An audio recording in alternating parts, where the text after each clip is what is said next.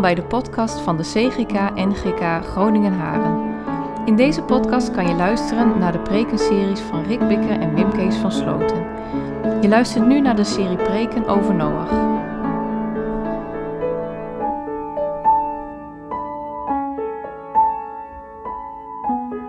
Ik lees u op Genesis 6, helemaal. Zo kwamen er steeds meer mensen op aarde en ze kregen dochters. De godenzonen zagen hoe mooi de dochters van de mensen waren en ze kozen hen uit hen de vrouwen die ze mij wilden. Toen zei de Heer, mijn levensgeest mag niet voor altijd in de mensen blijven. Hij is immers niets dan vlees. Hij mag niet langer dan 120 jaar leven. In die tijd en ook daarna nog, zolang de godenzonen gemeenschap hadden met de dochters van de mensen, en kinderen bij hen kregen, leefden de giganten op aarde. Dat zijn de befaamde heiden uit, sorry, dat zijn de befaamde helden uit het verre verleden. De Heer zag dat de mensen op aarde zeer slecht waren. Alles wat ze uitdachten was steeds even slecht. Hij kreeg spijt van dat hij mensen had gemaakt. Hij was tot in het hart gegriefd. Ik zal de mensen die ik geschapen heb van de aarde wegvagen, zei hij, en met de mensen ook het vee, de kruipende dieren en de vogels, want ik heb er spijt van dat ik ze heb gemaakt. Alleen Noach was hij goed gezind. En dit is de geschiedenis van Noach en zijn nakomelingen. Noach was een rechtschapen man. Hij was in zijn tijd de enige die een onberispelijk leven leidde in verbondenheid met God. Noach had drie zonen, Sem, Gam en Javet. In Noachs tijd was de aarde in Gods ogen verdorven en vol onrecht.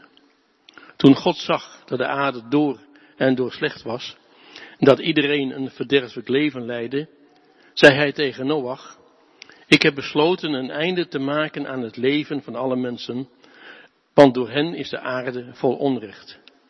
Ik ga hen vernietigen en de aarde erbij. Maak jij nu een ark van pijnboomhout? Maak daar verschillende ruimten in en bestrijk hem van binnen en van buiten met pek. Maak hem 300 el lang, 50 el breed en 30 el hoog. Je moet er een lichtopeningen aanbrengen en aan de bovenkant 1 el open laten. De ingang moet je aan de zijkant maken. En de ark moet een benedenverdieping krijgen en daarboven nog twee verdiepingen. Ik laat een grote vloed over de aarde komen, een watermassa die haar zal overspoelen. Om alles onder de hemel waarin levensadem is te vernietigen, alles op aarde zal omkomen. Maar met jou zal ik een verbond sluiten. Jij moet de ark ingaan, samen met je zonen, je vrouw en de vrouwen van je zonen. En van alle dieren moet je er twee in de ark brengen, om ervoor te zorgen dat die met jou in leven blijven. Een mannetje en een vrouwtje moeten het zijn. Van alle soorten vogels, alle soorten vee en alle soorten dieren die op de aardbodem rondkruipen, zullen er twee naar je toe komen. Die zullen in leven blijven. Leg ook een voorraad aan van alles wat eetbaar is, zodat jullie allemaal te eten hebben. En Noach deed dit. Hij deed alles zoals God hem had opgedragen.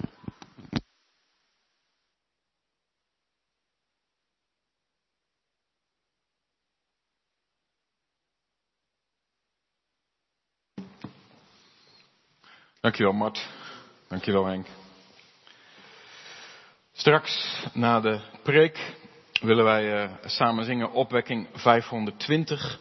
Jezus, ik wil heel dicht bij u komen. En daarna willen wij samen ons voorbereiden op het vieren van het heilige avondmaal. Ja, gemeente van de Heer Jezus Christus. Weet u wat mij opviel van de week toen ik uh, bezig was met het voorbereiden van uh, deze dienst? Dat ik dacht, de sfeer van dit hoofdstuk is zo heel anders dan de sfeer van het Noach-verhaal zoals wij dat vertellen aan elkaar. Ik denk als wij een Noach zeggen, dan denken we aan vooral hele vrolijke kinderbijbels. Met uh, allemaal blije plaatjes van een, giraf die zijn hoofd uit het raam steekt. En dan zo uh, blij de ark uitkijkt, zeg maar. dat is een beetje het beeld dat je al gauw hebt van Noach. Maar als ik dit gedeelte zo hoor, terwijl Mart het leest, dan denk ik, ik vind het moeilijk, ik vind het zwaar en ik vind het ook lastig en ingewikkeld. Even dat eerste stukje over de godenzonen. Wie van jullie heeft daar wel eens over nagedacht? Wat gebeurt daar allemaal? Ja, en dan meestal als wij aan godenzonen, ja dankjewel uh, zussen. Het zijn dus, kijk, en de, de broeders die denken ook aan godenzonen, maar dan denken ze aan Ajax. Uh, denk ik. Uh, dus daar gaat het bij ons meestal over als we het over godenzonen hebben in onze cultuur. Maar dan denk je, hier, hier zit opeens een stukje heel diep weggestopt in het Oude Testament, waar het blijkbaar gaat over een soort hemelse personen, engelachtige wezens die dan op de aarde komen. En dan, ik denk, ik lijkt wel alsof ik in een Grieks verhaal zit, plotseling, een Griekse mythologie. Wat moet je hier nou mee? Nou, laat ik er dit van zeggen. Ik kan dit ook niet goed uitleggen. Ik heb er wel een, een klein beetje een idee van. Maar als ik het op een rij zet, dan zeg er zijn een heleboel verschillende uitleggers, die hebben daar verschillende gedachten bij. Er zijn inderdaad uitleggers die zeggen, ja, blijkbaar in, de, in het begin van de geschiedenis was er toch een soort meer contact tussen hemel en aarde dan wij nu waarnemen. En was er dus ook ruimte om ja, voor engel, engelachtige wezens om op aarde hun invloed uit te oefenen. En daarom moest ook die zondvloed komen, want die invloed die moest weg. Die moest verdwijnen, want dat was verderfelijk geweest. Er zijn ook mensen die, uh, die zeggen, nee, nee, nee, zo ingewikkeld is het allemaal niet. Die zijn de zonen, de zonen van de goden, dat waren de gelovige mensen. En de, uh, de dochters van de, de andere mensen, dat waren de families die niet in God geloofden. En die gingen vermengen door elkaar. En, en dat was niet goed. Nou, ik vind dat niet zo'n heel sterke uitleg. Maar hoe dan ook, ik vind het een stukje waarvan ik zeg, ik kom er niet helemaal uit. Ik vind het lastig om het helemaal goed ook voor jullie neer te leggen en zeggen, zo zit het. Maar wat ik in ieder geval zie is, dat er dus blijkbaar vanaf het begin van de geschiedenis van de wereld op mensen invloed wordt uitgeoefend. En, en dat die invloed is uh, iets, iets nemen wat je wil hebben. Dat is wat er gebeurt. Hè? Ze kozen de vrouwen die ze maar wilden. En die manier van in het leven staan. Dat is dus blijkbaar iets wat haakt in ons hart, wat ruimte vraagt in ons hart. Ik wil zo leven dat ik maar kan pakken wat ik wil. En mensen zijn blijkbaar voor die gedachte heel vatbaar. En dan zegt God al van, als mensen zo gaan leven, als dat de manier is waarop wij de wereld, in de wereld staan, dan moet ik een grens aanstellen. Want anders loopt het niet goed af. Dus zet hij de grens van een mensenleven op 120. Zoals bijvoorbeeld Mozes. Dat is degene die 120 wordt, bijvoorbeeld later in de Bijbel. En uh, dit Bijbelgedeelte verwijst dan ook naar, uh, naar de reuzen, zoals die dan bijvoorbeeld ook verderop in het Oude Testament uh, tegengekomen worden als de, de, verspieders, die zien reuzen. Maar bijvoorbeeld ook uh, David, die vecht met een nakomeling van, van de reuzen die hier genoemd worden. Dat zijn zo even de lijnen die ik kort kan neerleggen over dit eerste gedeelte. ik moet nu ook nog weer verder, maar ik laat het hier even bij. Maar in ieder geval, ik denk dat de lijn in dit stukje ook is van, zie je dat, dat er in het hart van mensen heel makkelijk ruimte is voor die gedachte van, uh, ik moet kunnen pakken wat ik hebben wil en ik moet meer, meer is altijd beter. Dan het tweede stukje, daar gaat het over mensen. En dan zegt uh, Genesis, de Heer zag dat alle mensen op aarde slecht waren. En dan dus niet per ongeluk, hè, staat er, maar alles wat ze uitdachten was steeds even slecht. Hij kreeg er spijt van dat hij mensen had gemaakt en hij voelde zich diep gekwetst, zegt deze vertaler. Ik vind dat echt heel indrukwekkend. En ik moet je zeggen, gemeente, Dat zo'n zinnetje, dat God zegt dat hij spijt heeft dat hij de mensen heeft gemaakt. Ik weet niet hoe dat bij jullie zit, maar dat doet mijn hele theologie kraken. Dat trekt alles uit de lood. Eh, voel je dat ook? God is trouw. En hij is liefdevol. En hij heeft je onvoorwaardelijk lief. En dat zijn de lijnen die wij leggen. En dat zijn ook hele waardevolle lijnen, ook hele bijbelse lijnen. Maar dan zo'n zinnetje, die trekt daaraan en die zet er een enorme spanning op. Ja, maar hoe zit dat dan? En hoe werkt dat dan?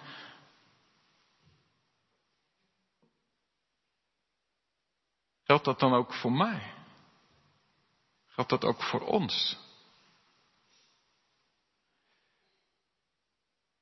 Het is geen positief beeld over mij geen positief beeld over ons. En tegelijkertijd, gemeente, denk ik, misschien is het ook wel gewoon heel bevrijdend als het af en toe gewoon eens een keer gezegd wordt van, uh, zo maakbaar is onze maatschappij niet en zo goed hebben we de boel niet georganiseerd. En er gaat van alles mis. En er zit ook in ons mensen iets kwaadaardigs. Dat wij soms plannen maken om een ander kapot te maken. Dat wij soms ook willen hebben wat wij willen hebben ten koste van die en die en die en nog een paar mensen. En die kwaadaardigheid die zie je er ook uitkomen, gemeente. Ik zie dat in ieder geval wel. Als ik het journaal bekijk, als ik het internet lees, berichten over, over oorlogen, en berichten over machthebbers, berichten over politici die weer proberen te duiken. Berichten over mensen die nog rijker willen worden over de ruggen van anderen. Berichten over grote bedrijven die een crisis aangrijpen om nog meer winst te maken ten koste van, noem het allemaal maar op. En dat zijn niet dingen die per ongeluk gebeuren. Soms gaat het heel bewust. Dat is ook onze wereld. En dat is ook de wereld van de tijd van Noach. En als ik het even zo met mijn woorden mag zeggen, dan lees ik hier in Genesis 6 dat dat de Heere God pijn doet aan zijn hart. Om daarnaar te kijken. Dat het God pijn doet om te zien hoe mensen zijn wereld, zijn schepselen kapot maken. En elkaar vernietigen. En elkaar onrecht aandoen. En dat God dan op een gegeven moment zegt, Stop. Hier is een grens. Klaar. Ik laat het niet allemaal lopen. Het houdt een keer op. En dat vinden we misschien soms best wel lastig om daarover na te denken, want dan heb ik het over dat God oordeelt. Maar ik wil je even meenemen in, in een manier van denken die je misschien ook helpt om dat een plek te geven. Want hoe vaak denken wij niet als we het journaal kijken of als we op internet weer berichten lezen over, over geweld en oorlog en onderdrukking en onrecht. Dat je, wie doet hier wat aan? Wie maakt hier een einde aan? Wie stopt dit nou? En dat je jezelf zo onmachtig voelt. Hè? Geef vrede, Heer, geef vrede. De wereld is zo vol onrecht. En misschien ook wel naar boven, dat je af en toe dingen ziet die zo ten hemel schrijend zijn, dat je denkt in je hart, Heere God, waarom doet u hier niets aan? Herken je dat? Wie herkent dat? Die vraag die in je hart opkomt? Ja. Nou, daar zitten we. In dit hoofdstuk.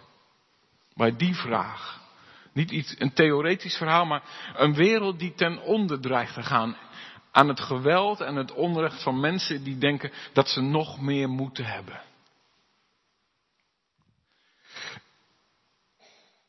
En als de God van de Bijbel een God was, die zou zeggen, ja, ik kan er ook niks doen.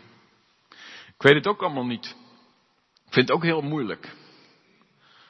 Dan, dan is dat niet een God die je kunt aanbidden. Dat geloof ik echt. Een God die het ook niet weet hoe het dan verder moet.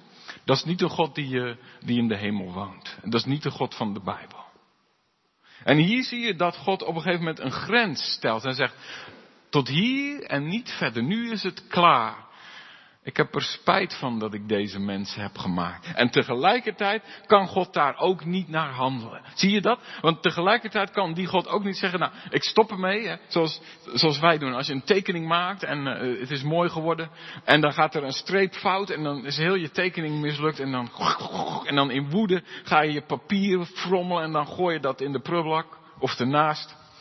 Of weet je wel, als je dan uh, iets, iets, moois aan het maken bent en het gaat mis. En dan ben je zo boos en dan kuil je tegen de muur. Dan moet je helemaal opnieuw beginnen. Maar dit is niet God.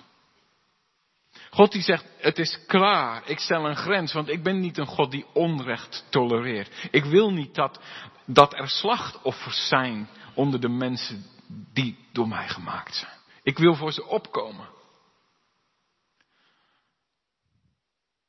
Ik ga de boel schoonmaken moet een nieuw begin maken.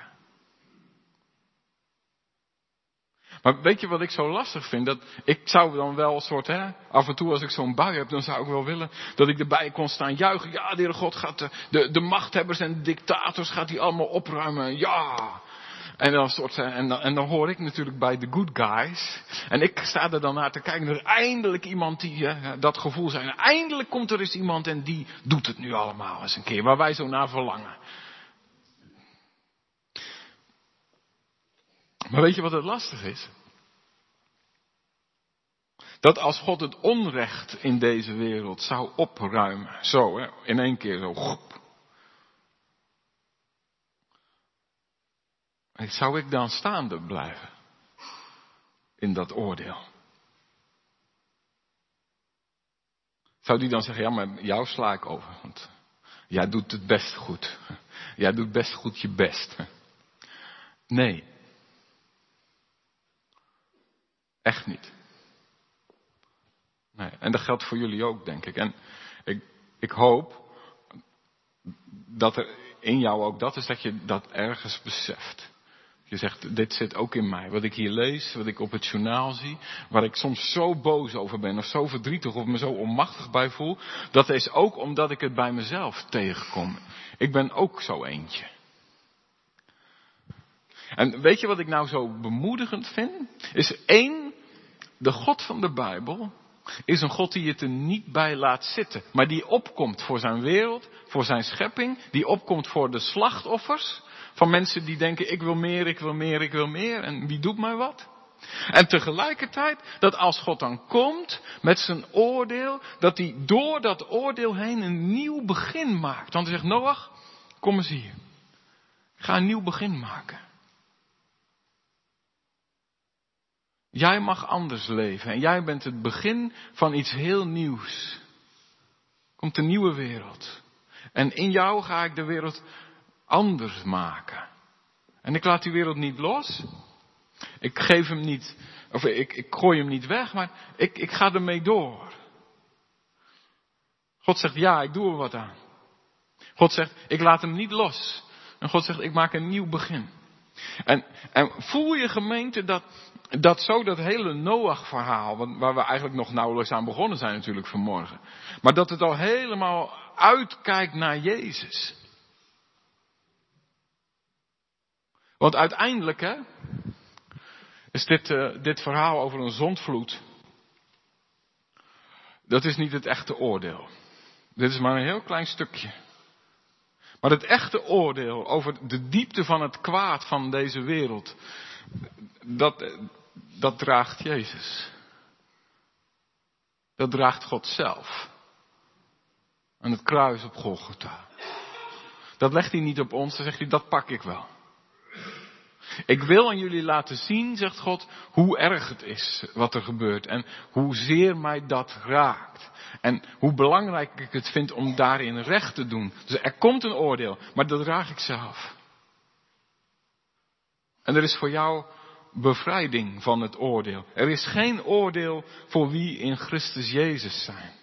En, en zo is de God van de Bijbel, de God van Noach, de God van Jezus, God. Ook vandaag. Hij laat het niet lopen. Ook wat er vandaag allemaal gebeurt, hij laat het niet lopen. En tegelijkertijd, hij oordeelt ook niet zoals wij denken dat zou moeten. Hij doet het op zijn manier. Hij houdt de wereld vast. En je kunt honderdduizend zorgen hebben. Je kunt zeggen, dit is ook de tijd van Noach. Misschien heb je wel eens een beetje over nagedacht. Ik denk, wat staat ons allemaal nog te wachten?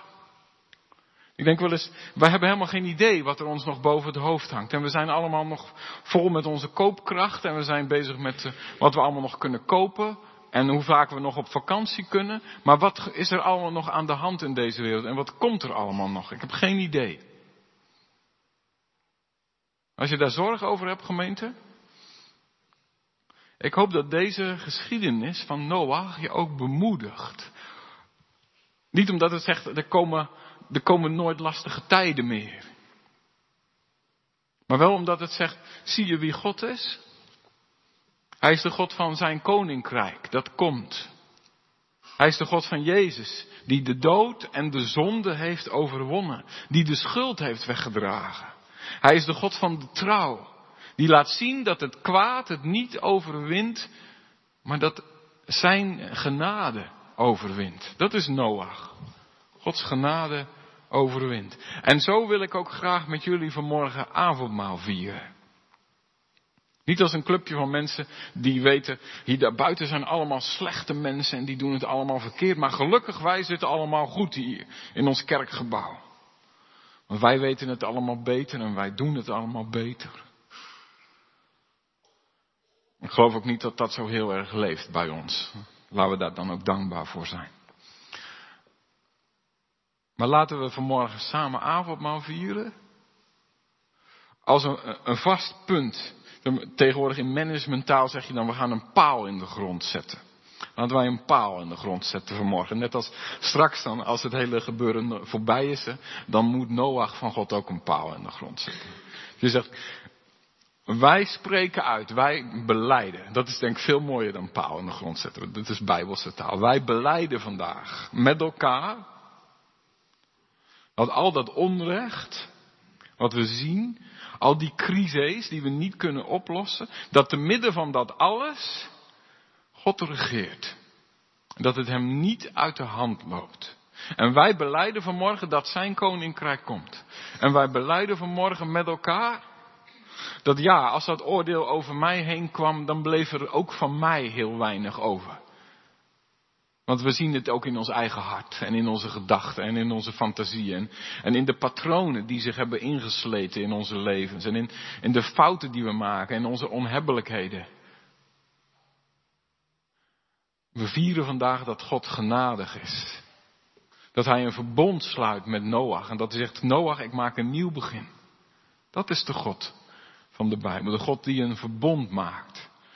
Dus in die zin uh, is die regenboog super uh, re relevant. Dat, uh, laten we gewoon de komende weken met elkaar een regenbooggemeente zijn. Zeggen wij leven van Gods trouw. En dat we daar ook in, in onze persoonlijke worstelingen en in onze persoonlijke vragen, en in onze onderlinge kwesties, dat we daar uitkomen. Bij dat kruis van Jezus, bij de trouw van God. Zeggen, dat is wat ons vasthoudt. Dat is wat ons vaste grond onder de voeten geeft. Misschien wel een mooi beeld als het gaat straks over een, watervloed. En dat je dan midden in de golven toch vaste grond onder de voeten hebt. En, eh, we hadden het met muziekteam al over van, eh, dan, dan moet er ook een moment kunnen zijn dat je zingt over lopen op het water. Misschien komt het ook wel binnenkort een keer. Maar zo wil ik graag met jullie avondmaal vieren. Jezus die het oordeel voor mij droeg. Jezus die het kwaad overwint. En Jezus die zijn koninkrijk komt stichten. En daar mogen we uitleven. En ik denk daar moeten we ook uitleven met elkaar. Iets anders hebben we niet. En dat moeten we ook delen met de mensen om ons heen. Want ik geloof echt gemeente dat de wereld om ons heen snakt naar dit evangelie. Gods koninkrijk van vrede. Dat komt. Amen. Bedankt dat je naar deze podcast hebt geluisterd. Wil je reageren? Stuur dan een e-mail naar podcast.cgk-gn.nl. Hopelijk tot de volgende aflevering.